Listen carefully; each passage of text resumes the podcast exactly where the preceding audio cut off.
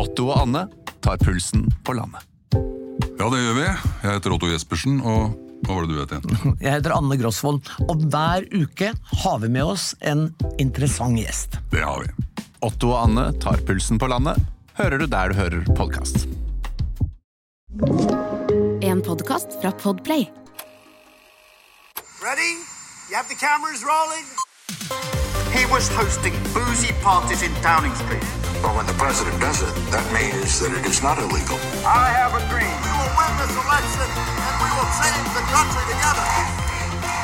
And Mitterrand from Germany, I mean, from France, looked at me and said, uh, s- said, you know, what, why, how, how long are you back for? Velkommen.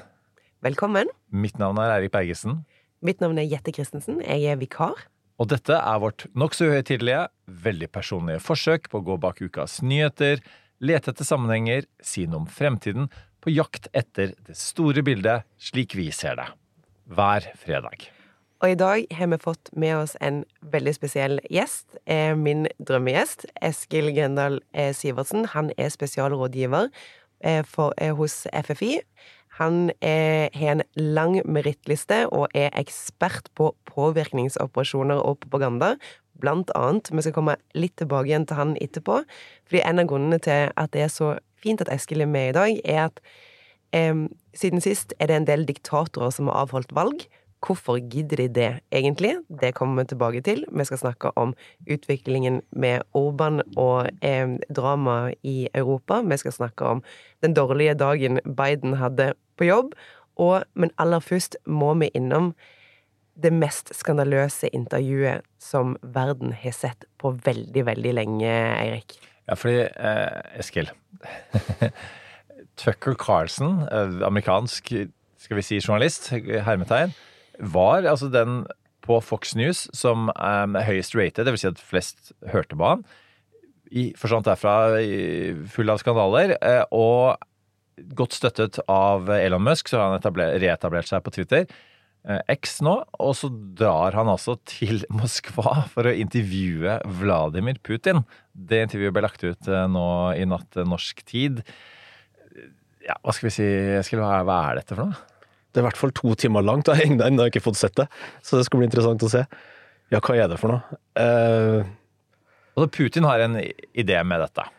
altså, åpenbart. Altså, det nok, han har nok valgt Tucker Carlson fordi han der ser at her har jeg en eh, stemme som eh, har lang historie med å fortelle Putins historie til et amerikansk publikum, og Tucker Carlson har jo en mer troverdig stemme for amerikanerne enn det Putin eller andre har. Eh, Så det er et åpenbart eh, valg av Putin, tenker jeg. Og så spørsmålet hva er Tucker Carlsons motivasjon, men det tror jeg du kan svare bedre på enn meg. Ja, altså, eh, Tucker Carlson har intervjuet Andrew Tate, for eksempel. Eh, Skal vi plassere de to i samme kategori? Hvis Andrew Tate var statsleder, kanskje hadde vært noe i nærheten av det Trump holdt på med. Eh, Nei, Han har jo på en måte spesialisert seg på såkalte kontroversielle um, intervjuobjekter. Og, og det i seg selv, sånn journalistisk, så det kan være en god idé. Det er ikke sånn man skal være enig med intervjuobjektet på alle mulige måter. Men samtidig sånn er det Altså, det jeg, jeg har også bare lest medierapportene. Jeg har ikke satt meg ned og sett dette to timer lange intervjuet enda. Men, men, men det høres ut som han, det er noen oppfølgingsspørsmål der eh, som ikke blir stilt. Eh, og det er klart at eh, Raskt oppsummert, så det Putins poenget her er, er jo bare er jo egentlig det som han har sagt hele tiden. At det ja, skal denazifisere eh, Ukraina, og det var Ukraina som starta det, eh, osv. Så, videre. så han kjører jo den der gamle bare propagandarekken sin. Um, Det er en lang historieforelesning, og det er Ja. jo Putins eh, modus også. Og hvis han får tid til å gjøre det, så tror jeg han blir glad. For det er jo et russisk eh, eller et grep som Putin har brukt veldig mye tid og ressurser på. Å omskrive historien på en måte som gjør at uh, hans argumenter flyr.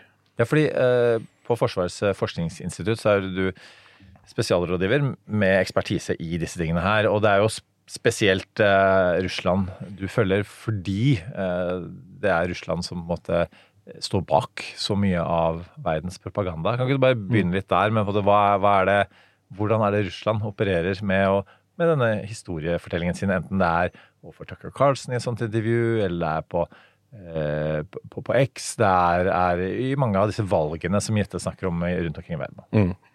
Nei, det altså Russland har jo, jo en, en, en lang historie med å drive med propaganda og villedning. Eh, Det kan vi jo spore tilbake til sovjetisk doktrine til 20-tallet. Aktive tiltak, som det kalles. Som en form for politisk krigføring, hvor du bruker alle virkemidlene du har. eh, Og hvor løgn egentlig er en eh, strategisk nyttig ting, eh, men, men også en blanding av det. Så, ble vel kanskje, så har vi kanskje glemt det litt, tror jeg, etter den kalde krigen og 90-tallets eh, fest. Så, så har jo Russland gjenoppliva den måten å jobbe på, og jeg tror det gikk opp for Vesten sånn ordentlig etter 2016-valget i USA. Eh, Da Russland kartla altså Müller-rapporten og kartlegginga etter det, hvor vi må så at oi, her var det jo veldig omfattende. eh, Bruk av falske profiler og troll, trollfabrikker, som vi ble kjent med den gangen. Eh, Og ti årene som har gått, så har vi sett en veldig stor økning i, i hvordan altså, Russland har bygd opp et globalt økosystem, kan man kalle det, av forskjellige falske medienettverk og profiler som infiltrerer den offentlige debatten i land og regioner over hele verden, eh, for å påvirke samfunnsutviklinga og politiske utviklinga i en retning som gagner russiske interesser. Fordi Før så var det jo sånn at eh, diktatorer så på internett som en fiende. Eh, Nå eh, ser de på det som et verktøy som de eh, bruker eh, utstrekt. Og det er jo veldig interessant å se hvor langt foran de ligger på bruken av dette verktøyet, og hvor langt bak eh, vi som blir eh, utsatt for det. Og når jeg sier vi, så mener jeg ikke oss tre, men jeg mener eh, etablerte demokratier som blir forsøkt destabilisert eh, hele, hele tiden. Og det bare en liten apropos til det intervjuet dere snakket om nå. Em, det Putin og Donald Trump har til felles, er jo at de velger veldig nøye hvilke debatter de stiller på. Donald Trump har jo heller ikke stilt noe videre til debatt noe sted, fordi som han sjøl sa, jeg trenger ikke det, jeg leder. og Putin eh, har jo ikke fri presse. Han har ikke presse i det hele tatt i Russland. Han har et propagandaapparat. Så den kontrakten han på en måte har signert med Tucker Carlson, er jo veldig spesiell. Fordi hvis han har sagt ja til et intervju, så må jo han ha lagt til grunn eh, at eh, det ikke skal forekomme så veldig mange kritiske oppfølgingsspørsmål i det intervjuet. Men Eskil, du er eh, spesialrådgiver. Du var med på å etablere eh, Cyber Social Propaganda and Influence-senteret. Eh, du er, er jobber på FFI. Du har vært kommunikasjonsrådgiver for seks forsvarsministre. Eh, Du har skarp erfaring. Eh, Du har vært offiser i internasjonale operasjoner. Du har utgitt flere rapporter, blant annet en rapport om scenarioer for uønska påvirkning i forbindelse med norske valg. Du har kartlagt eh, stortingsvalget i 2021 om hvorvidt det var uønska påvirkning i det valget. Og nå sist så har du kartlagt om hvorvidt det har vært påvirkning i valget vi hadde eh, sist. Så da lurer jeg på Vi som er et eh, etablert liberalt demokrati, vi ser jo på oss sjøl som snille, eh, og klarer ikke helt å ta inn over oss at vi blir oppfatta som en trussel av diktatorer eller eh, autokrater eller naboen vår. Fordi at vi kommer jo springende med rettsstatsprinsipper og alle mulige sånne kjedelige ting som diktatorer ikke er så veldig interessert i å forholde seg til. Og det gjør jo at vi blir forsøkt destabilisert. Men jeg vil lyst til å begynne med den siste rapporten deres, eh, Eskil. Hva fant dere når dere skulle kartlegge eh, bruk av sosiale medier og påvirkningsoperasjoner opp mot valg i Norge? Ja, først vil jeg gjerne si at vi har ikke gjort det alene. Vi gjør det sammen med to partnere, Analyse og Tall og Common Consultancy. Eh, og har satt sammen et tverrfaglig team eh, med ekspertise på forskjellige områder. Alt fra stordataanalyser til statsvitenskap. Eh, Og det trengs nettopp fordi at det er veldig komplisert å gjøre denne type undersøkelser. Eh, Og man vil aldri kunne lage undersøkelser som man vil med 100% sikkerhet si at nå har vi undersøkt alt som er undersøket og kan være helt sikker på konklusjonen. Så man må ta valg og vurdere ut ifra hva er det vi skal se etter. Vi skal jo se etter noen ting som vi ikke vet om finnes. Hvordan det ser ut, eller hvor det kan være. Um, og det gjør vi på forskjellige måter. Så det vi gjør, er at vi setter sammen forskjellige typer analyser som vi triangulerer for å kunne tette hullene imellom mest mulig. Uh, vi fant i Vi har gjort det nå i to valg. uh, og ingen av de valgene har vi funnet tegn på direkte utenlandsk påvirkningsforsøk. Og så kan man jo snakke lenge om hva betyr det, altså hva mener vi med valgpåvirkning. Um, Jeg er jo egentlig mer fan av å snakke om velgerpåvirkning, fordi valg, valgpåvirkning kan jo, da, da snakker vi om selve valget og kanskje valgresultatet, tilliten til valget eller valgdeltakelsen. Men det vi ser Russland og andre aktører gjøre, er jo kontinuerlig over tid å påvirke velgerne, måten vi tenker på. eh, For å forandre de brillene vi har på oss når vi vurderer, så ser verden rundt oss og hva vi tror på. Og kognitiv krigføring, eh, som Nato kaller dette, har jo blitt definert inn i deres strategiske konsept som et våpen. Altså måten vi tenker på, følelsene våre, hva vi er for og mot, og hva vi tror på, det blir strategisk brukt mot oss som et slags våpen. Og hvordan i all verden eh, kartlegger man de tendensene eh, i et samfunn? Måten vi gjør det på er at vi har eh, forskjellige typer analyser. Nå har vi og vi må jo være målretta for det vi skal se på. Eh, Nå sist så, så vi, tar vi utgangspunkt i trusselvurderinga til våre hemmelige tjenester, som sier at de statlige aktørene som er mest aktuelle og kunne eh, relevant til å kunne påvirke eh, Norge, er Russland og Kina. Men så har du jo andre stater også. I tillegg så har du jo grupper og kommersielle aktører. Det kan være hvem som helst. Innenlandsaktører for så vidt også, som bruker mange av de samme virkemidlene. Så vi har sett spesielt på Russland og Kina. Da har vi kartlagt Vi hadde fire analyser. Det ene var at vi så på um, dette økosystemet, nettverket av russiske og kinesiske profiler, eller tilknytta profiler på sosiale medier og på nett, som, eh, som i veldig stor grad er uattribuert. Altså de ser ut som de er uavhengige og, og utgir seg for å være noen andre, men har en tilknytning til Russland eller Kina. Og vi har databaser av de som er kjent, eh, og da ser vi på deres aktivitet, og ser vi har de vært spesielt opptatt av Norge eller norske forhold i den perioden som vi har undersøkt, eh, for å se om det kan gi en indikasjon på noe. Um, og da ser vi også på trafikken, altså aktiviteten de har hatt på sosiale medier, for å kunne fange opp det. Og hvis vi fanger opp et eller annet der, da, så kan vi jo nøste videre og så se har det blitt delt på andre plattformer, og så kan vi danne oss et bilde av hvordan, eh, hvordan det er. Uh, Så har vi også sett etter det vi kaller koordinert inautentisk atferd. Det må du eh, eh, beskrive, med, beskriv med egne ord. ja. Det er rett og slett altså, aktivitet som ikke er naturlig menneskelig. Eh, Det er bruk av botnettverk, eh, falske kontoer, eh, og gjerne ofte kan være i kombinasjon med, med menneskestyrte kontoer, men hvor man forsterker stemmer. Stemmer og aktiviteter og budskap og narrativer på måter som ikke er autentiske. Altså, dette er ikke, er ikke bare vanlige folk, dette er manipulert fram. Og da har vi forskjellige måter å gjøre det på. Hvor vi kan se har samme eller lignende meldinger blitt delt på forskjellige profiler innenfor et kort tidsrom f.eks. Er det fellestrekk i spredningsmønster? Da kan vi kartlegge så kan vi se at og her har vi ti Twitter- eller X-profiler f.eks. som ser ut som de opererer hver for seg, men som vi gjennom stordataanalyser kan se at inngår i et nettverk.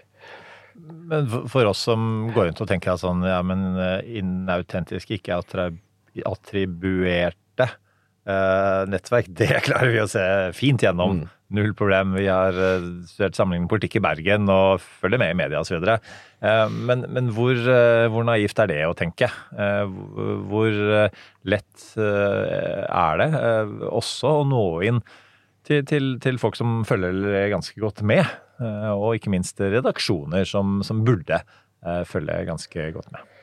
Det kan, enkelte falske profiler kan være ganske lett å se. Eh, hvis du, eh, ikke like lett nå lenger. Det finnes ganske mange eh, ganske proffe, kuraterte profiler som er vanskelig å se med blått øye at det er falsk.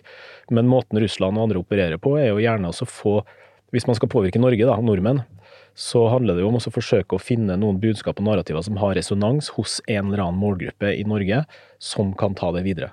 Sånn at det, så, så da planter man, eller sånn seeding som man kaller det, noen narrativer i utvalgte grupper, sånn at det blir plukka opp av nordmenn. Og så er det nordmenn som sprer det videre. Og så vil det bli ikke etter hvert synlig hvor det her starta.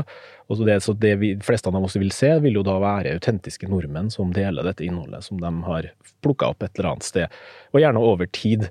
Um, og så er det jo ikke sånn at det er bare nødvendigvis sånn enkelttweets eller enkeltbudskap. Vi har jo en sånn irriterer meg litt egentlig ofte når vi snakker om disse tingene, så snakker vi både om falske nyheter, desinformasjon og eh, men mye av det her er jo sant. sant? Du cherrypicker noen ting som passer med et narrativ. Du, frem, du bruker sannhet, du bare fremhever enkelte stemmer. Um, Og det andre er jo at vi, vi er jo ikke så rasjonelle som vi tror. Det er jo ikke sånn at når vi sitter og skrull- scroller på do eller på trikken, og hele tida blir vi eksponert for inntrykk som over tid danner vår subjektive opplevelse av virkeligheten. Uten at vi nødvendigvis vet hvor vi har det fra. Det er bare Vi får en sannhet i oss. Dette føles sann. Sånn er det. Sånn er verden. Sånn er denne saken. Så kort sagt, så hvis, hvis, hvis det er for godt til å være sant, så er det kanskje ikke sant. Altså hvis Vi, all, vi har jo alle vår eh, nå skal jeg bruke et vanskelig Mm. akademisk begrep. Eh, cognitive bias. Yes. Det er noe vi, vi, vi eh, tenker er sant, og så hvis vi får noe som bekrefter det, så tenker vi ja, men oi, dette stemmer nok. Da dobbeltsjekker jeg ikke, eller i hvert fall trippelsjekker jeg ikke nødvendigvis dette. Nei, og vi gjør det ikke. Selv, selv om du kan være i tvil, så er det ikke sikkert at du gjør det. Så at, sånn at når du sitter på TikTok da, for eksempel i timevis, så er det ikke sånn at du stopper opp på hvert, altså, i, i hver video, og så gjør du en rasjonell vurdering, og så faktasjekker og sånn. Du bare scroller videre, og så, og så blir det jo dratt en retning av, av, av algoritmene. Eh, Men det du var inne på med kognitiv bias er jo helt riktig. Altså confirmation bias er jo en av de sterkeste driverne, sånn sett, bekreftelsesbias. Vi har jo alle en iboende egenskap til å ønske å få bekrefta at det vi tror og føler er sant, uten at vi nødvendigvis vet hvorfor vi tror og føler det. Um, og så har vi motstand i oss mot å ta til oss og akseptere informasjon som tilsier at vi tar feil. Så dette er jo ting som russiske og andre aktører spiller aktivt på, og nettopp derfor går på målgrupper som, hvor noen budskap har resonans, for å få dem til å spre det videre. Og det å snakke om dette eh, Du har jo et eh, fag, eh, du har en eh, posisjon som gjør at eh, dette her er jo ditt tema, du er en eh, profil på dette området, men det som er vanskelig, som jeg kan se meg er vanskelig i den jobben, er jo å kommunisere eh, budskap, om at, budskap om at det kan være at du er påvirka. Eh, fordi det er jo som vi snakker om nå, at alle tror at det de tenker, er sant. Eh, og det å si at grunnen til at du mener dette, eller er opptatt av dette som du ikke var opptatt av før, eller er negativt innstilt til noe som du ikke brydde deg om før, det kan være at det er et resultat av at noen ønsker eh, å destabilisere norsk offentlighet. Det er en ganske vanskelig historie å fortelle til et menneske som er helt overbevist om at eh, virkeligheten ser eh, sånn ut. Eh, fordi vi er jo alle kan jo bli påvirka. Det handler jo ikke om hvorvidt man har noe utdannelse, eller hvorvidt man er eh, Altså, det å bli påvirka betyr ikke at du er dum, det betyr jo bare at du har blitt påvirka. For problemet med propaganda er jo at det av og til virker. Mm. Eh, og hvordan er det å fortelle den eh, historien? Og det er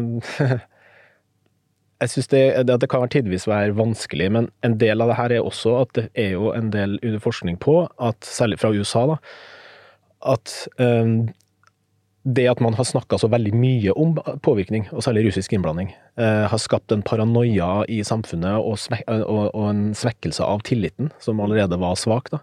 Sånn at, at eh, det kanskje sp eh, temaet at, ok, eller usikkerheten rundt at kan vi stole på noen ting, er det russerne som er inne og holder på å påvirke oss nå, har skapt mer skade på demokratiet enn den russiske påvirkningsaktiviteten i seg sjøl. Så at vi skal ikke hause opp det heller, og så bli helt sånn paranoid og slutte å tro på noen ting, fordi det er også en effekt som Russland og andre prøver å søke å, å, skape.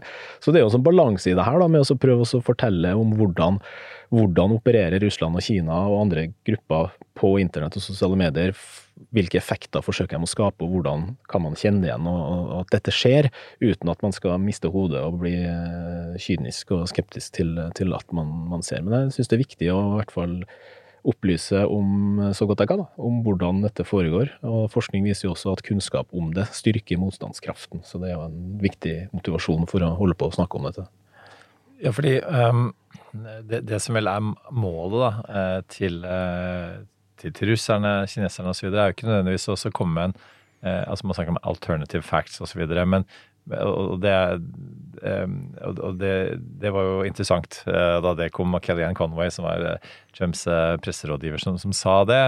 Men, men noen ganger så er det ikke engang snakk om å, å komme med noe som, som skal være fakta engang. ikke sant? Det, det er, man, er ikke, man er ikke nødvendigvis beskjeden om at dette ikke nødvendigvis er sant, men, men poenget er liksom at andre siden forteller også løgner. Mm. Ikke sant? Og, da får du, sånn som med, med, med diktatorer sånn, hvis, du, hvis de forteller en løgn til deg, og, og, og sier at det er sant, og du vet at det er en løgn, og de vet at du vet at det er en løgn, så er det en måte å vise veldig makt på, da. Mm. Eh, og vise at, at, at det, det er et grep de har om det samfunnet. Eh, at de eh, og, og, og det intervjuet det som har kommet frem av utdraget i intervjuet med, med Putin, tyder jo veldig ty klart på det. Jeg kan, kan, ikke skjønne at Putin tenker at noen i Vesten, i, i maktposisjoner, tror på dette her. Um, men, men, da er vi tilbake til sånn uh, Steve Bannon sin metode, og som flere andre av disse her deler, altså Trumps ideologiske uh, gudfar. Altså flood the zone with shit. Mm. At det er så mye usannheter der at, at du, det er umulig å, å skille, skille, mellom de. Eh, og man tenker sånn ok, ja, kanskje min side lyver, men det gjør nok de andre også. Kanskje de lyver en, enda mye mer. Og så Kan du fortelle litt mer om hva sånn, er strategisk? da, Hvordan fladder man the zone med shit?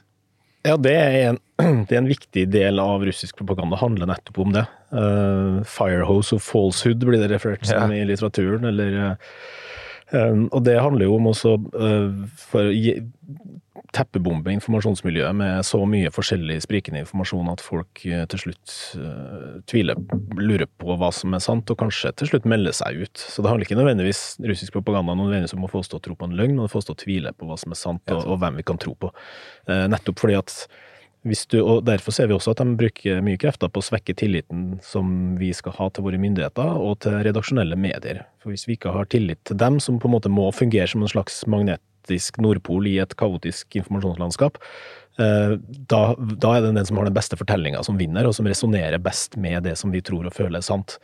Eh, og Vi snakker jo ofte om Informasjonskrig har jo vært et sånt begrep som brukes også, men det er jo ikke en, jo ikke en krig, hvis vi skal bruke det ordet, da, um, om hvem, at, hvor den som har den beste eller den sanneste eller mest informasjon vinner. Det er jo en krig i anførselstegn om hva informasjon betyr. Og Den samme informasjonen kan jo bety helt forskjellige ting, avhengig av kontekst. Og konteksten skapes jo av narrativer, som er de her internasjonaliserte sannhetene som vi alle bærer på, uten at vi nødvendigvis vet hvorfor vi bærer på dem, som er de brillene vi har på oss når vi ser på verden rundt oss.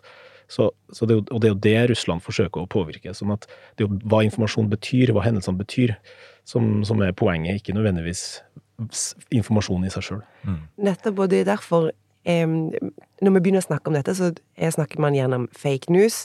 Det er veldig lett å avsløre. Er det sant, eller er det ikke sant?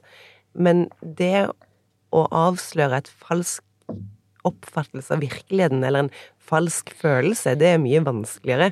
Um, og at det er derfor narrativene er så viktige å etablere. Og, og det vi snakker om nå, at hvis ingenting er sant, eller hvis noe ikke er sant, så kan det bety at det, ingenting er sant. Jeg, jeg hørte referert til en undersøkelse om at det var en fokusgruppe som skulle eh, prøve å lete etter falske nyheter. Eh, og da ble de veldig flinke til å avsløre falske nyheter, men de endte opp med å ikke tro på noen ting. Mm. Eh, så det betyr at hvis det er mulig å plassere løgn inn i dette redaktørstyrte mediet, eh, så ender jeg opp med å ikke tro på noen historier derifra. Og NRK hadde jo en sånn sak der de skulle, ba folk om å sende inn bilder av været. Og så var det noen som sendte inn et AI-generert bilde av en dame som sto i bikini, eh, som var falsk, da, eh, men som NRK trykka. Eh, så jeg bare lurer på Og det er jo veldig uskyldig, men det viser jo at eh, i denne verden så må de redaktørstyrte mediene være så framme i skoa på å kunne skille hva er en riktig kilde, hva er en falsk kilde. Eh, nå har vi jo to store, viktige, eh, grusomme kriger som herjer, hvordan vet vi at det narrativet som vi får eh, gjennom norske medier, hvordan vet vi at det er det sanne bildet? Ja, altså Hvem skal definere hva som er sant? Eh, noen ting kan man jo altså, si at er objektivt sant. Andre ting, når vi snakker om politikk og, og, og ideologi og personlige meninger, så er, jo, så er, det jo, avhengig av kontekst og disse narrativene igjen. Da. Eh, men jeg tror vi må ha tillit til at jeg tror, Det er veldig viktig, særlig nå, at, at de redaksjonelle mediene bygger opp og, og ivaretar den tilliten som de er avhengig av å ha i befolkninga. Fordi, som jeg var litt inne på i stad også, at vi har at vi, Selv om de gjør masse feil, og vi har jo har et eget foredrag om det. Uh, feil som, eller sånn avtrykk av russisk propaganda i, mm. i norske medier. Uh, som er sånn uforvarende, hvordan, hvordan dette skjer. Uh, så de gjør feil, men at vi har noen som vi har tillit til at hvert fall her er det ingen som har en egen politisk agenda eller noe å vinne på å få oss til å tro på noe som ikke er sant. Så de gjør så godt de kan.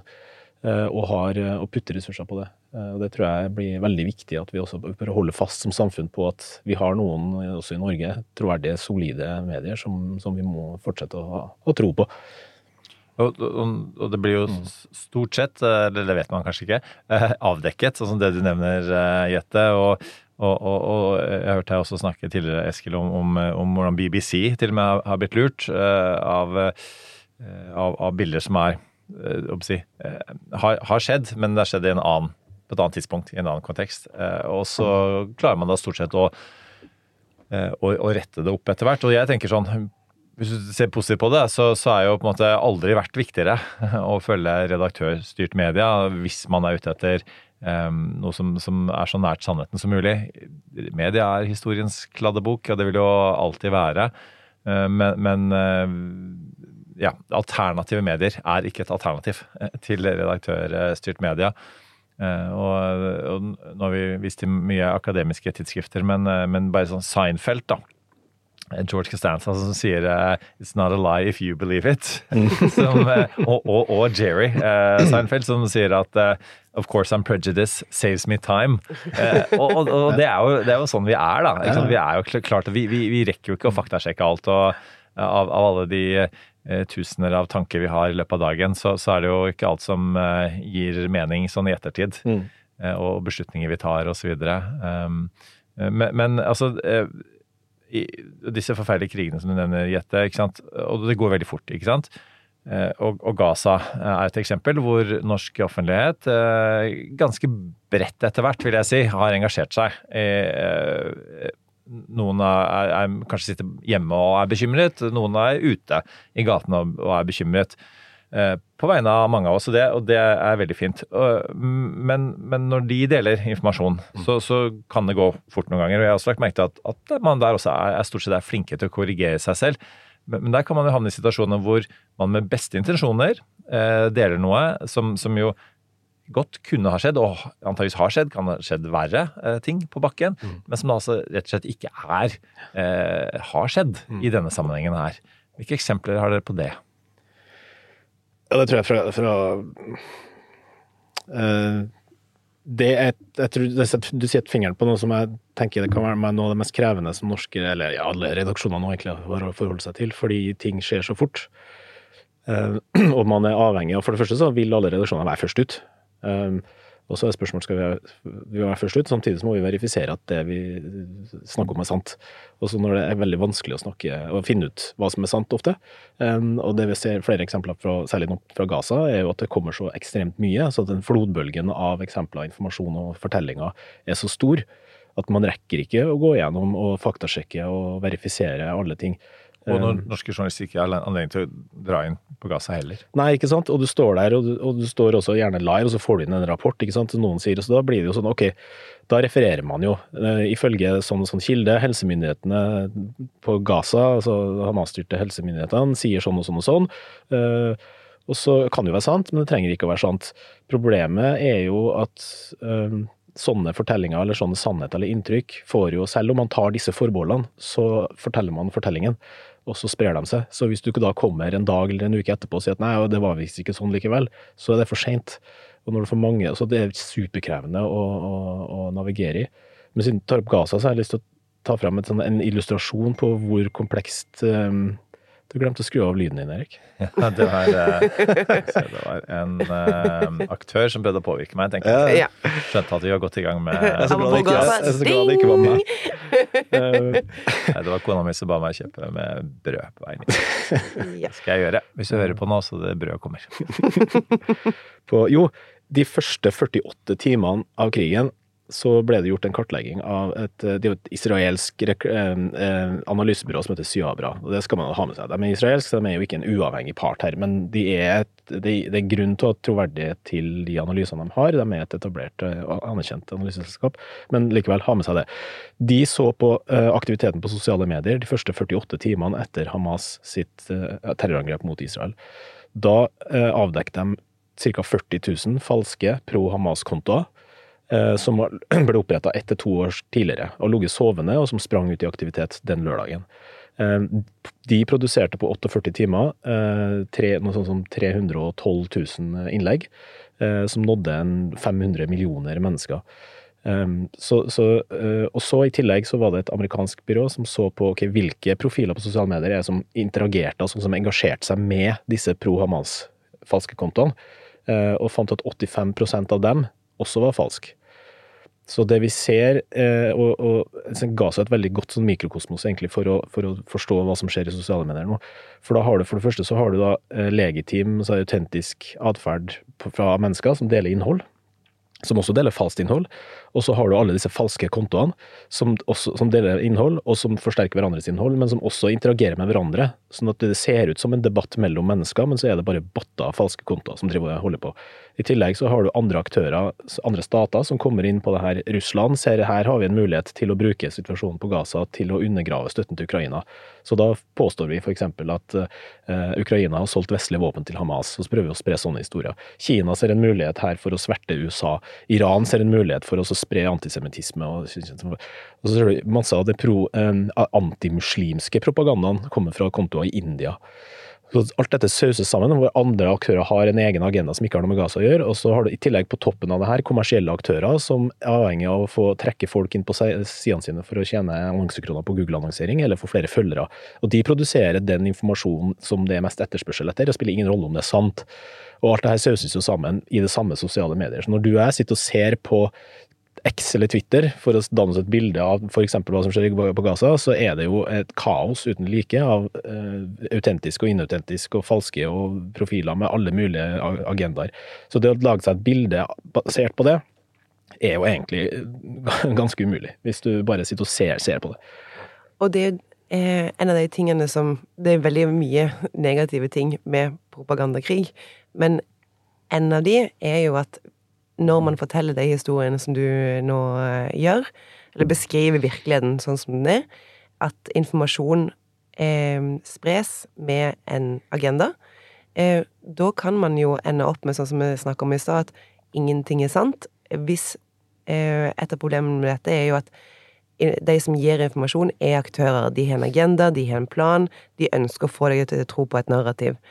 Og det å ha den inngangen også til å konsumere redaktørstyrte medier, fordi da blir det jo sånn at hvis informasjonen er aktørstyrt, hvorfor er, hva er det som gjør at ikke alle eh, som tilbyr informasjon, er, har egentlig en underliggende agenda? Og det har vi jo allerede sett, eh, til og med i den norske debatten, eh, at eh, redaktørstyrte medier har blitt eh, beskyldt for eh, å ha en politisk agenda med den informasjonen de viderebringer. Og det er, jo det, det er jo det, som forrykker hele balansen med sannhet. At hvis noe er løgn, så kan alt være løgn, fordi alt, all informasjon er på en markedsplass der noen har en agenda. Moldova har jo opplevd dette som du eh, forteller om. Eh, Moldovas representant på sikkerhetskonferansen i München i fjor sa jo helt åpent at vi har ikke sannhet. Eh, vi trenger ikke hjelp til våpen, vi trenger ikke hjelp til å bygge forsvar, men det vi trenger hjelp til, er å reetablere sannhet i landet vårt, for det finnes ikke lenger. Vi klarer ikke å fortelle historien om eh, hva, eh, hvem er det som kriger, og hvorfor de kriger, For her er det ingen som, som tror på, på, virkeligheten, for den har blitt helt eh, forrykket. Så det jeg lurer på, er, Eskil, eh, går det an å reetablere sannhet? Eh, hva er bolverket? Selvfølgelig redaktørstyrte medier, sjekke, være kritiske borgere, men i det sekundet dette har skjedd, da. Eh, hva kan man gjøre for å reetablere? Oi. Vær så god. Uh, ja, takk. Tar den uh, på strak arm. Nei, jeg vet ikke om jeg er den beste til å svare på det uh, heller, så det blir jo mine personlige tanker, da. Jeg tror det er veldig vanskelig og tar tid når først den skaden har skjedd. Um, fordi da har når tilliten er borte, eh, når, da har du egentlig rakna en viktig del av måte, limet og det som holder et samfunn sammen. Eh, og det er jo veld, veldig vanskelig å bygge opp igjen. Eh, så derfor er jeg opptatt av også at vi i Norge, som er unikt i den forstand at vi har høyere tillit i landet til hverandre, til befolkninga, til myndighetene og til pressen enn tror, noen andre land. At vi ikke tar det for gitt og tror at det er en naturlov, men, men prøver å hegne om det og ikke lar oss sjøl komme så langt at, at, at, det begynner å rakne. For det er jo selvfølgelig, så Sammenligne oss med USA, så er det tusen grunner til at det, det er egentlig, altså Vi kan egentlig ikke sammenligne Norge og USA på mange måter, men vi er jo også alle bare mennesker. Og dette ting, forvitringa av demokratiet skjer fra innsida over tid. Og at vi må være obs på de faresignalene tidlig nok til at vi skal kunne fange det opp og så få til en fornuftig debatt. Og hvordan skal vi beskytte de sårbarhetene som vi har, som er det som gjør Norge til et velfungerende demokrati. Og der er jo det at vi kan enes om en felles virkelighetsforståelse, ikke at vi ikke skal ha eh, uenigheter. Vi skal jo det. altså Begrepet polarisering synes jeg også kan være sånn, det knyttes veldig til noe negativt. og Det er det jo hvis du blir helt sånn i ytterpunktene. Men, men det at vi har ulike meninger og krangler og har en heftig politisk debatt offentlig, det må vi jo ha for å ha et levende demokrati. Problemet i dag er at den blir infiltrert av andre aktører. Det, det er et godt poeng, Eskil. Og det med det vi jo ikke bør ha for mye av i norsk eh, samfunnsliv. og det, det med, altså Når ting blir for konsensusorientert, ikke sant? når det blir på en måte vi tilsynelatende er enige om eh, litt for mye, og det kjenner jeg igjen fra utenrikspolitikken nå, at, at, vi det skjer, eh, dekker litt over en del debatter, for at det, det kan være vanskelig, vanskelig å ta. Um, og det, det, er jo heller ikke bra. Det det er viktig at man får ting ut i det åpne. men jeg bare skulle nevne innbyggerundersøkelsen som kom denne uka her, eh, i forbindelse med um, En bedre stat-konferansen eh, som jeg fikk være med å lede i denne uka her, eh, for Direktoratet for forvaltning og økonomistyring. Det er de som står bak den. Jeg har holdt på med det de siste 13 årene.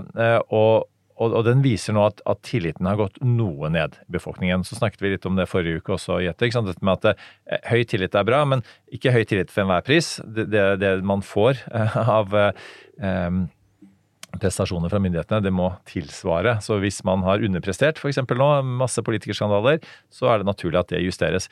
Men da var det eh, Rune Svan fra forebyggende etat i, i, politiet som sa noe interessant, nemlig at eh, de holdningene du får til tingene her, og tilliten til samfunnet når du er ungdom, det tar du gjerne med deg resten av livet. Så de ungdommene som nå erfarer mm. eh, av, av det de oppfatter som ja, det, til og med begrepet korrupsjon ble brukt i den undersøkelsen.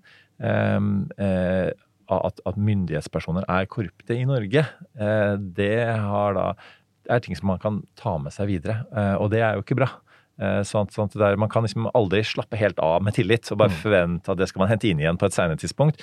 Og da er vi litt på, på, på, USA også, dette med at, at ikke lenger man på republikansk side tenker at jo media er litt liberale og det er litt for kritiske. Nei, de er en samfunnsfiende, mener et flertall av republikanske velgere. Og den eh, tannkremen er ganske vanskelig å få tilbake i, mm. i tuben igjen. Men i den siste rapporten, eh, Eskil, så fant dere jo riktignok ikke eh, eh, gode bevis på at eh, det norske valget ble påvirka. Men dere fant et eh, eksempel på russisk påvirkning. Kan du fortelle om det? Ja, vi, vi, finner jo eksempler på utenlandske aktører også fra Russland som forsøker å påvirke nordmenn. Eh, så er jo vår vurdering at de forsøkene ikke har hatt noe effekt, men vi har omtalt det. Mm. Et eksempel som vi har med i rapporten er en eh, ganske interessant historie egentlig fra i fjor. I august i fjor så så vi um, stor aktivitet i det russiske nettverket um, om en sak uh, fra høsten før hvor uh, 42 norske reinsdyr uh, gikk over grensa til Murmansk. Og det har de ikke lov til. Um, uten, og, og, da ble jo det en sak mellom russiske myndigheter og Norge, hvor Russland retta et krav på 47 millioner kroner i erstatning til Norge for denne grenseoverskridelsen. Og så um, kom jo de, de her reinsdyrene ble jo henta tilbake til Norge, og ifølge veterinærkontrollen så skal jo de da avlives. Og det ble de jo. Eh, og da så vi det russiske nettverket se at her har vi en anledning til å lage en fortelling rundt dette som kan fremstille Norge i et dårlig lys. Og det gikk helt opp til topps. Maria Sakarova, i, eh, talsperson for russisk UD, var aktiv på sin telegramkanal. Og vi så spredning også til flere andre russiske telegramkanaler og til russiske nettsider som omtalte denne saken da som at eh, Norges eh, Dette var en overgrep mot samene. Um, og at norske myndigheter som vi later som vi er så glad i naturen og glad i dyr og, og sånne ting, men uh, for å slippe å betale bota på 47 millioner, så slo vi disse reinsdyrene heller i hjel. Og det viser jo bare hvor hyklersk Norge er. Og da så vi sant, det er en sånn typisk måte Russland opererer på. Her ser vi en anledning, opportunistisk, og så hiver vi oss på den. Og så fikk ikke dette så mye spredning utover disse russiske kanalene, men der ble den jo spredd ganske mye. Og det kan jo skje, fordi at eh, de følger jo veldig godt med på hva er det som er, er, beveger seg i Norge. Nå vet de at eh, Fosen-saken har fått veldig mye oppmerksomhet. Mange har mista tillit til eh, rettsstatens evne til å eh, eh, følge Grunnloven og beholde eh, urfolks rettigheter. Et pågående menneskerettighetsbrudd som er blitt omtalt som akkurat det, det av statsministeren. Og da er jo det en bevegelse i samfunnet som blir forsøkt eh, utnytta og forsterka, da. Eh, og apropos eh, sånne ting, så har dere jo hatt en annen eh, rapport eh, som ble bestilt av ministeren med ansvar for eh, valg. Ja, det var du, satte eh, dere og eh, ordentlig fyr eh, på debatten her for det er vel to år siden nå. da dere kom med en rapport hvor dere brukte EØS som et eksempel på, på et scenario hvor det er så mye følelser at man kan fra fremmede makter øve f.eks. valgpåvirkning. Og du havna på Debatten, Eskil, og det var noen ordentlig sinte Nei til EU-folk der. Mm. og Heming Olaussen, tidligere Nei til EU-leder, husker jeg skrev på uh, er 'Forskning my ass'. Ja. du, hvorfor, uh, hvorfor, ble de så forbanna på deg, og, og hvorfor kan nordmenn bli så forbanna i en mulig EU-debatt at man utsetter seg selv for valgpåvirkning? For Gjelsvik endte opp med å ikke publisere denne rapporten. Ja, eller han endte opp med å publisere den. Um, ja, etter mye om men.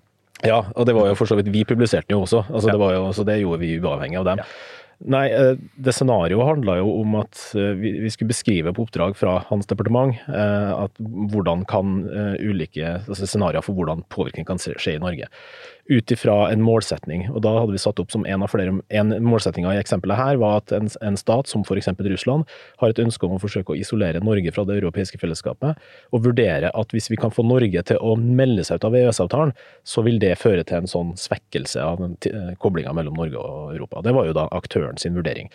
Og så beskrev vi et scenario for hvordan en aktør kan bruke sosiale medier og nett og påvirkning for å forsøke å fyre opp nordmenn til å gjøre det. Ved å legge skylda på alt som er vondt og vanskelig og gærent i Norge, på EØS-avtalen, og spinne masse rundt det her. Eh, og det var jo for å vise det.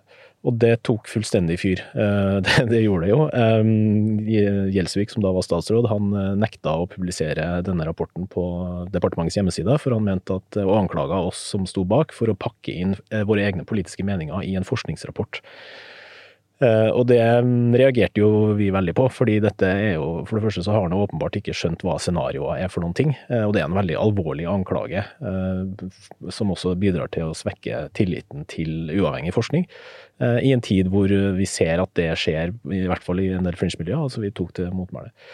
Og det ble jo en stor debatt av det, og jeg tror egentlig ironisk nok så viste jo hele alt dette bråket og folk som hissa seg opp så voldsomt over det, viser jo egentlig bare det vi prøvde å si. At her har vi et tema som skaper så sterke følelser, og som er knytta til også så mange, mye også desinformasjon og, og, og gal, feil kunnskap, eh, at det tar av.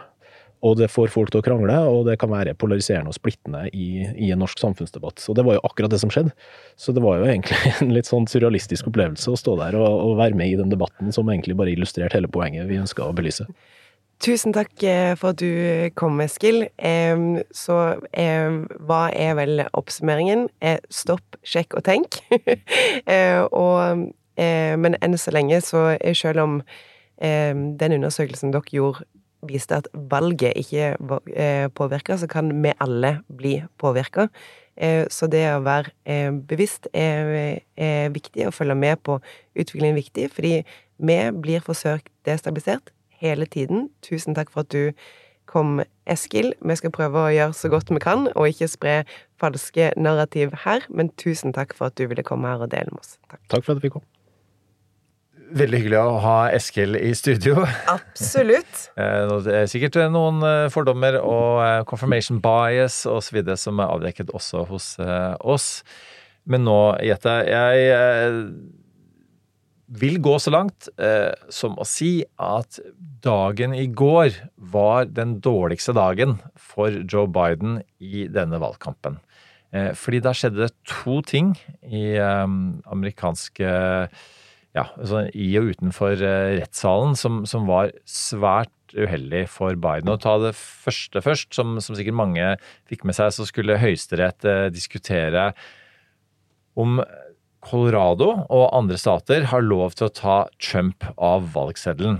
Og forklare det ganske kort. Det er altså det eh, tolvte grunnlovstillegget, punkt tre, som handler om at hvis du på en måte har deltatt i et opprør mot staten eh, USA, så har du ikke lov til å stille til valg. Eh, det er det mange mener at Trump har gjort, ved at han på en måte var med å tilrettelegge for eh, kongressstormingen. eh, Og, og også, som en av de rettssakene tross alt eh, handler om, planla å bli sittende etter valget. Instruerte sin visepresident til å ikke godkjenne valget, og med det resultatet at et flertall av, av kongressrepresentantene til republikanerne mener at valget er rigget. Han prøvde med andre ord å overprøve, skråstrek stjele det valget. Eh, Så eh, sier Høyesterett i går, de har ikke kommet med en ferdig kjennelse ennå, den, den er ventet eh, om litt tid, men, men de gikk ganske samlet ut og uttrykte en skepsis til at Colorado, Maine, som sitter på gjerdet, og andre eventuelle stater tar Trump av valgseddelen. Eh, Og det var ikke helt uventet, for de har, det er ganske logisk at de, måte, de, har, de har sagt litt uten å si for mye, og de har på en måte ikke sagt noe, noe endelig, så det kan fortsatt eh, Colorado trenger ikke å, å, å eh, sette Trump tilbake på valgseddelen på bakgrunn av, av saken sånn som den står nå. Men det, det de frykter, da, og det gjelder også Elena Kagan, som er, er demokratisk oppnevnt i Høyesterett, er på en måte at ok, hvis Colorado gjør det, hva gjør da en, republikansk stat? Da, de kan jo finne på ikke bare ta Biden av valgseddelen, men eh, enhver demokrat av valgseddelen. Just because. Eh, og med en eller annen type begrunnelse. Og det er jo akkurat det de gjorde i Kongressen. Eh, som svar på to riksrettssaker mot Trump, så har de nå satt i gang en riksrettsprosess som foreløpig ikke er formelt eh, godkjent og ikke vil bli det, for de har ikke flertall. Men, men om at Biden stilles til riksrett eh, pga. Noe med sønnen. Og det er, det er det egentlig det er det man sier. Det er noe med sønnen. Det er, liksom ikke, det er ikke at Biden har eh, på en måte forbrutt seg så mye mot amerikanske konstitusjoner at han skal stilles for riksrett. Den saken har de ikke klart å bevise. De har ikke klart å bevise at det er en sammenheng mellom sønnen og faren eh, på en måte som, som går utover eh, noe som helst politisk. Um, så så der, der står den eh, saken. Og for Biden så er det jo mye mer problematisk eh, å bli dratt inn for en domstol enn for Trump. Eh, fordi at hans elektorat eh, har tillit til domstolen, i motsetning til Trump. Trump har jo brukt eh, mange år på å fortelle sine velgere og sine støttespillere at pressen trenger du ikke stole på, de, er bare, de er, bare, er, bare i gang med en heksejakt, domstolen trenger du ikke stole på, for de er bare i gang med en heksejakt. Sånn at det at Donald Trump er utsatt for eh, Eller blir dratt inn for en domstol, det betyr ikke så mye for han. Fordi at velgerne hans eh, har mer tillit til Trump enn de har til domstolen. Men for Biden, eh, som har et eh, demokratisk elektorat, de eh, tror jo fremdeles på institusjonene. De tror jo fremdeles på at hvis du blir dratt inn for en domstol, så betyr det at du eh, kan ha gjort noe galt. Og det eh, kan bidra til å svekke tilliten, og derfor eh, ender opp med å gjøre at han mister stemmer. Eh, helt klart. Og, og så har du den andre saken, eh, som er den aller mest alvorlige for eh, Biden. Og det er rett og slett at eh, det kom en rapport fra en eh, spesialrådgiver eh, som heter Robert Herr, som har sett nærmere på over lang tid eh, dette med at Biden også oppbevarte eh, hemmelige dokumenter eh, privat, eh, og blant annet i garasjen sin. Eh, Og, og det er noe som Biden har innrømmet, og så er forskjellen på han og Trump her at det var færre dokumenter, og han leverte tilbake med en gang. Eh, Og, og man har altså besluttet at man ikke skal gå videre rettslig med dette. Men i den vurderingen om dette, så står det at en av grunnene til at man ikke går videre rettslig med dette, er at man kommer til å tape saken. eh, Fordi at Biden er en eh, elskverdig eldre mann som, eh, og, dermed kommer han til å vinne, men som sliter litt med hukommelsen. Og det er den sliter litt med hukommelsen-biten som har blitt gjenstand for en del diskusjon i USA, og, og hvor Trump kjapt stilte opp til pressekonferanse og, og, snakket om dette her. Fordi det kommer da frem at Biden i disse samtalene, eh, riktignok dagen etter, eh, altså 7. november-angrepene eh, fra Hamas på Israel, så det var en dag hvor han åpenbart hadde veldig mye på eh, tapeten eh, på jobb så glemmer han eh, noen av tidspunktene hvor han var vispesent. Eh, altså glemmer som eksakte periodene han var vispesent, og glemmer også når sønnen hans døde, Bo. Altså, sånn, det var noen slingringsmonn med noen årstall der. Mm. og det på samme uke hvor han kaller Macron for Mitterrand, og han kaller Angela Merkel for Helmut Kohl, i to eh, middagstaler stiller nok en gang store spørsmål til hans ikke bare alderdomssvekkelse, men hans kognitive evner. Eh, han var veldig kjapp med en pressekonferanse også, hvor han tilbakeviste det der. Se alt jeg har gjort, osv. Men eh, og jeg, jeg ble sittende og se på CNN en lang rekke med, med Biden tidligere rådgivere som snakket og snakket og spinner og spinner rundt dette her. Men, men de, ingen av de klarer å etterlate, et, fjerne det etterlatte inntrykket av at Biden eh, er så alderdomssvekket at han glemmer ting. Har det, dårlig hukommelse. Det er jo friskt å innkalle til pressekonferanse for å si at man ikke har glemt ting man har glemt. Ja. um, altså, ja. Så en dårlig dag eh, på jobben for Biden, og en, eh, et stort eh, tilbakeskritt for eh, han og hans valgkamp. Men Eh, hvis vi nå går over på ukas valg, så er det jo en del valg vi skal snakke om. Eh, fordi det jeg har vært litt interessert i siden sist, eller er jo hvorfor i all verden gidder diktatorer å avholde valg i det hele tatt? Mm. Eh, for hvis man eh, har tatt vekk sånne irriterende elementer som eksempel fri presse, organisasjonsfrihet, og har rigga eh, valginstituttet sånn at det er umulig for andre enn de selv å vinne, hvorfor i det hele tatt gidde eh, å gå gjennom hele den prosessen med å avholde valg? For eksempel siden sist, 4. februar, da hadde El Salvador eh, valg. Eh, der eh, vant eh, presidenten med 83% av stemmene. Han har kalt seg sjøl for verdens kuleste diktator. hans fremste Altså, hans adelsmerke er at han har klart å, å, holde ro i landet, altså fått ned volden.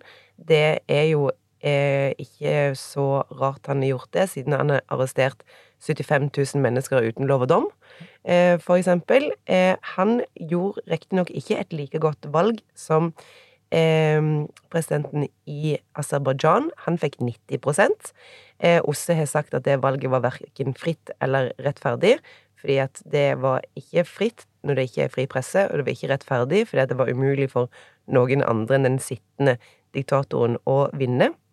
Så er det noen norske forskere, Carl Henrik Knutsen og Tore Wiig, de har sett på hva er det som gjør at diktatorer gidder å gjennomføre valg, og hvilken risiko involverer det å gjennomføre valg? Fordi eh, du vet jo at du kommer til å vinne uansett. Så på eh, lang sikt så kan det være med på å konservere makten. Det kan være med på å bare si se her, jeg har gjennomført valg, jeg har fått 83 jeg har fått 90 eh, Befolkningen støtter meg. Det er jo klart at befolkningen støtter deg når de risikerer å komme i fengsel hvis de ikke gjør det. Eh, men det er også en risiko knytta til eh, å gjennomføre valg. Selv om, som diktator, selv om du ikke kommer til å tape, og den risikoen ligger i at da minner du befolkningen på alle disse negative tingene. Du minner befolkningen på at det ikke er fri presse, du minner dem på at det ikke går an å eh, stemme på noen andre enn deg sjøl, eh, og du aktiverer den politiske bevisstheten hos folk, og da er det på kort sikt en stor sjanse for opprør. I Pakistan, eh, som er nattas valg Det var valg i Pakistan i går. Nå tar vi dette her opp på fredag i morgen, og nå er ikke resultatet klart i det hele tatt. Valgkommisjonen har utsatt sin egen frist flere ganger. De uoffisielle tallene i går, de var eh, helt ulike de offisielle eh, tallene. Folk har begynt å snakke om hvorvidt det var eh, valgpåvirkning eller valgfusk, men de tør ikke si ordet valgfusk, fordi da kommer de i fengsel. I likhet med, eh, med den mest populære eh, politikeren der, som har styrt før, Imran Khan. Eh, han ble fjerna med mistillit i parlamentet. Det mente han var en sammensvergelse mellom hæren og USA. To uker før valget så ble han dømt til fengsel, og det ble forbudt å omtale partiet hans i det hele tatt. Motkandidaten er en av Pakistans rikeste. Han har også sittet i fengsel. Eh, han ble satt i fengsel eh, ved forrige valg. Eh, så de som egentlig har den største makten i Pakistan, er militære. Eh, hvis de ser at det er tegn til forrykkelse av deres makt, så setter de kandidatene i fengsel. Pakistan er jo et veldig viktig land strategisk i verden, både pga. plasseringen sin eh, og av at de eh, har en ekstremt viktig posisjon når det kommer til hvor er det de vil lene seg. Vil de lene seg mot Kina, eller vil de lene seg andre veien? De har en gjeld på 13 milliarder kroner. Store deler av det er til Kina. Så dette er Hvordan det landet er veldig viktig, ikke bare for Pakistan, men også for hele verdens sikkerhet. Og jeg lurer på om du kanskje har noen på tråden jeg, som vet enda mer om, om Pakistan? Det har vi. TV 2s Kadafi Saman. Nå lønner det seg å hamstre påskekosen hos Ark. Ark inviterer nemlig til påskefest med skremmende bra nyheter, pocket fra 99 og 40% på alle spill og puslespill. Ark-påske betyr rett og slett mye påske for pengene. Så fyll opp med påskens favoritter i nærmeste Ark-butikk eller på ark.no. Ja, Kadafi. Eh, my, spesielt mye kaos om dagen. Hva, hva er det faktisk eh, som skjer der borte nå? Nei, det som skjer i Pakistan er jo at det, for det første er det jo et stort land. Det er jo 128 millioner stemmeberettiga. Og så blir det spennende å se hvor mange av de som faktisk har stemt. Men eh, as we speak så telles jo stemmene. Jeg tror rundt halvparten av eh, kandidatene til nasjonalforsamlinga er eh, klarlagt. Eh, men det er ikke bare det det er snakk om. Det er i tillegg snakk om fire provinsforsamlinger, hvorav Punjab er den største provinsen med mer enn ja, jeg tror det er rundt 120 millioner mennesker som bor der. Så eh, dette tar tid, men i løpet av dagen i dag så vil nok resultatet bli klart. Og så er det slik i Pakistan at det er én valgkrets, og hvor det er flere kandidater fra forskjellige partier som da kjemper om å eh, få stemmene. Men det er kun én vinner, og det er de vinnerne som nå fortløpende blir annonsert. Og så er det valgkommisjonen i Pakistan som da eh, kommer med de offisielle tallene. Og eh, ofte så er det jo sånn at resultatene blir klare i løpet av natten, morgentimene osv. Eh, og så er det slik at motkandidatene kan protestere og si at nei, du, her har det foregått valgfusk, og da må det skje en omtelling og fintelling osv. Så, videre. så ja, det blir spennende å se hvem som vinner. Men hvor lav terskel er det for å si valgfusk? For, eh, kan man bare si det for å kreve en omtelling for å trekke ut tida, eller? Ja, man kan si det, fordi det er klart at uh, det er høy temperatur i pakistanske valgkamper. Jeg var der i 2008 når det var valg, 2013 når det var valg og 2018 når det var valg. Eh, altså det, det, er høy temperatur, det er knuffing, det er vold og til og med drap.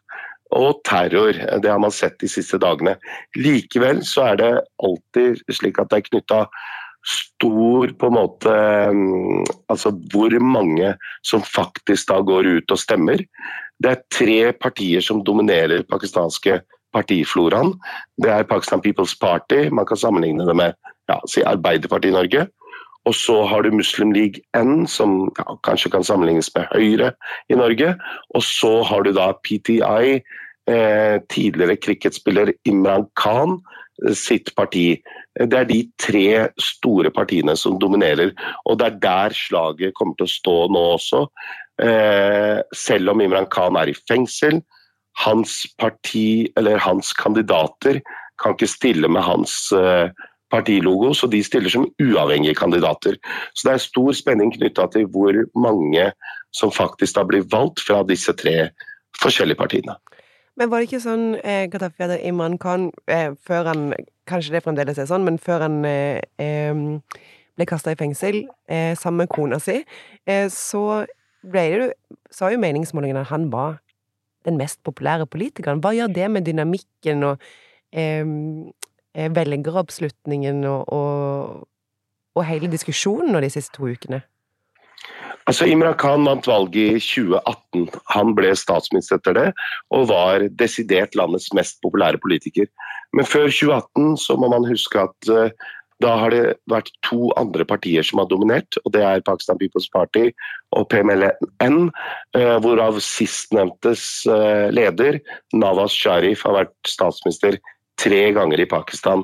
Så det man kan se nå, er jo at Eh, det er en faktor i pakistansk politikk som eh, heter militære, generalene. De er alltid i kulissene, og dems favoritt er den som stort sett vinner. Eh, I 2018 så var Imran Khan militærets favoritt. Han er ikke det nå lenger. Nå har han fått fire dommer mot seg. Korrupsjon osv. Totalt 34 års fengselsstraff sammen med kona og sitter i fengsel. Men partiet hans, altså på bakken, eh, velgermassen, den er der.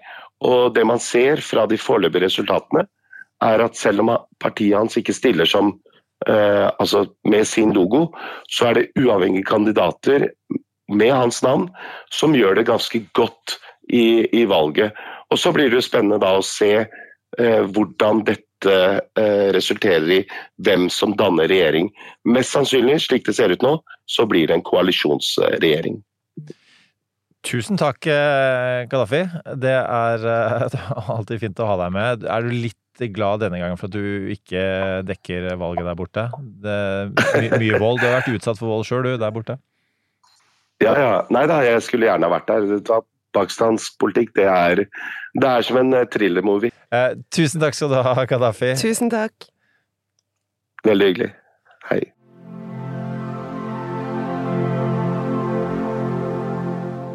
Ja, og til ukas av- og påkobling, Erik, så har du gjort lekser?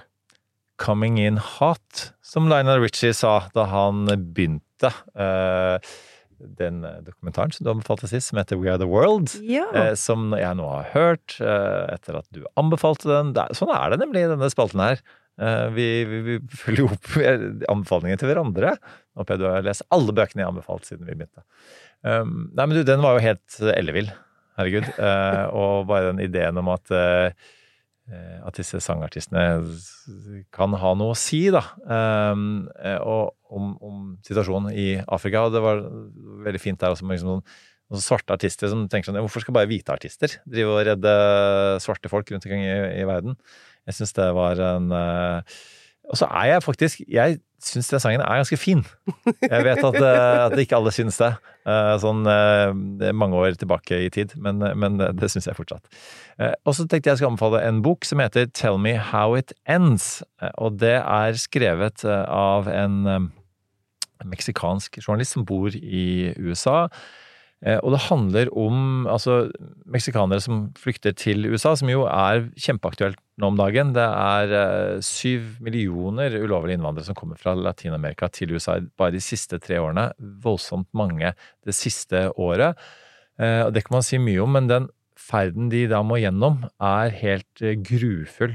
Og hun hadde da eh, jobbet som, som, frivillig med å hjelpe da eh, unge, altså vi snakker barn og ungdom som kommer fra Mexico alene til USA, eh, med immigrasjonsmyndighetene, disse intervjuene osv. Så, videre. så hun, hun, var oversetter der, og da stilles de 40 spørsmål om hvorfor man kom til USA osv. Og, så og hun med utgangspunkt i de 40 spørsmålene går gjennom og så forteller om disse opplevelsene. Og 'Tell me how it ends' er altså hennes datters spørsmål til henne når hun forteller hjemme om noen av disse blir tvunget mer eller mindre til å fortelle om noens skjebnene. Hvordan ender det? Og det spørsmålet har hun ikke noe svar på. Ikke sant? For at eh, de kommer til USA, og de har, de har eh, ikke papirer, de har ikke, de har ikke en fremtid, de, de, er ikke registrerte, de er ikke innbyggere. Eh, og, og, det er en forferdelig vanskelig tilværelse å være. Og så vet vi at den er bedre enn den forferdelig vanskelige tilværelsen de kommer fra. Men altså bare sånn helt grufullt tall, da. 75% av kvinner og og unge jenter som kommer og blir voldtatt på, på reisen. Det er jo helt, helt forferdelig grufullt.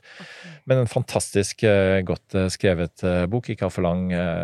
vunnet masse sånn kritikerpriser osv., så, videre, så den anbefaler jeg. har du noe mer oppløftende til oss, Jette? Ja, litt litt, litt mer eh, oppløftende. Eh, den fantastiske regissøren Kristoffer Borgli, eh, norske regissøren som lagde Syk pike, som er en helt Ja. fantastisk gøy film, som viser mennesket på sitt aller grusomste og mest egosentriske, er nå aktuell med en ny film, Dream Scenario, med Nicolas Cage i hovedrollen.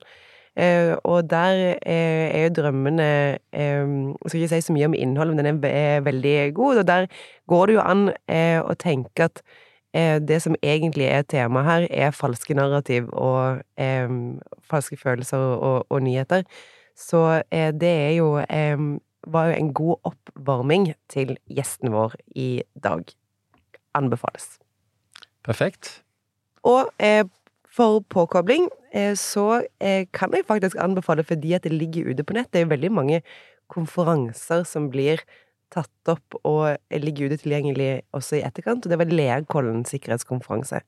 Der eh, var det eh, to dager der temaet var eh, sikkerhet, Nato, krigen, og ikke minst hvordan skal Europa klare seg i det nye sikkerhetspolitiske landskapet? Hvordan skal Norge forholde seg til det nye sikkerhetspolitiske landskapet? Mange gode paneler, mange gode foredragsholdere. Det er en virkelig anbefaling. Gå inn på YouTube, eh, god gammeldags, eh, og finne opp Leakollen sikkerhetskonferanse hvis dere er interessert i krig eh, og fred. Og det er folk. Det vet vi at lytterne våre er. Eh, og jeg tror ikke det er grenser for eh, nerding, så det tipper jeg at mange kommer til å gå inn der. Eh, med det, eh, tusen takk for at eh, dere har lyttet hele veien eh, hit. Eh, ha en flott helg og en fortreffelig neste uke. Tusen takk for følget i dag, så ses vi neste uke. That's enough. Put down the mic. Du har hørt en podkast fra Podplay. En enklere måte å høre podkast på. Last ned appen Podplay, eller se podplay.no.